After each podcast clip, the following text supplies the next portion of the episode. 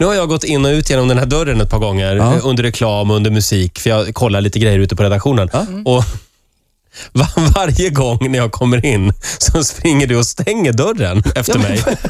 Ja, men jag är, sån ordnings, jag är lite ordningsam. Är det så? Du gillar stängda luckor, stängda dörrar. Ja, men jag, jag, jag gillar inte liksom att, tänk om någon hör där ute vad vi sitter och skvallrar om medan det är en låt. Skvallrar, det gör vi ju faktiskt. Jag noterade det, jag, för jag brukar nämligen vara på Ola och Sofia hela tiden. Ja, stäng okej. dörren, Stäng stäng dörren, stäng dörren. dörren. Men du bara direkt gick du och stängde dörren Och jag efter är mig. ledsen, men jag tänkte inte ens på det, att det hände. ja, jag var Ja, in... Jag är imponerad. Kul att ta Nej, reda jag på blir att det är lite knäppt kär, också. för jag är ju otroligt irriterad på Magnus som bara lämnar allt öppet hela tiden. Jag blir tokig på det. Ja. Skitjobbigt. Ja. Skåpluckor, toalettlock och diverse. Kan vi ta alla de här dramatiska sakerna som händer i ditt liv? Det var en bomb som exploderade utanför ditt hus. Ja, det här var ju för något, något år sedan, eller Ja. två, eller vad det nu var. Jag jag vaknade på morgonen och hörde så här, pang, och tänkte att "Oj, någon som har tappat någonting i trappen.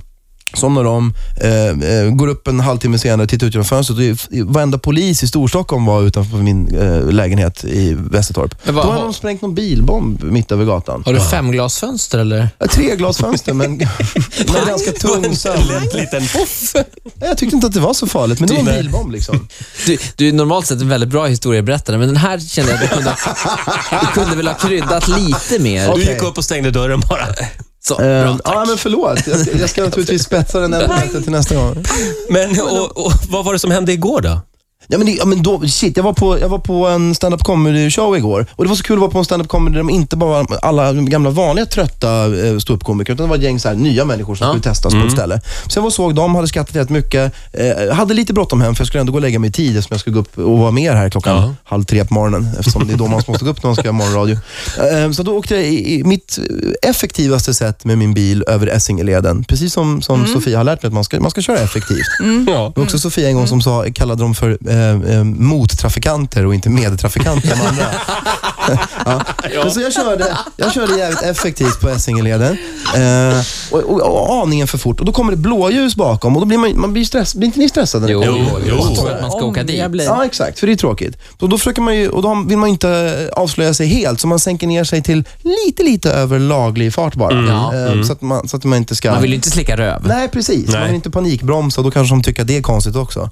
Eh, Så jag har sagt i alla fall neråt. Till slut så kommer polisbilen och så ligger den ganska nära mig bakom ett tag. Och så eh, flyttar jag på mig och så kör den förbi. Och då ser jag, det är ju inte alls en polisbil. Nej. Det är en Veolia-bil. Veola-bil. Veolia. Veolia, Ja. tack för uttalet.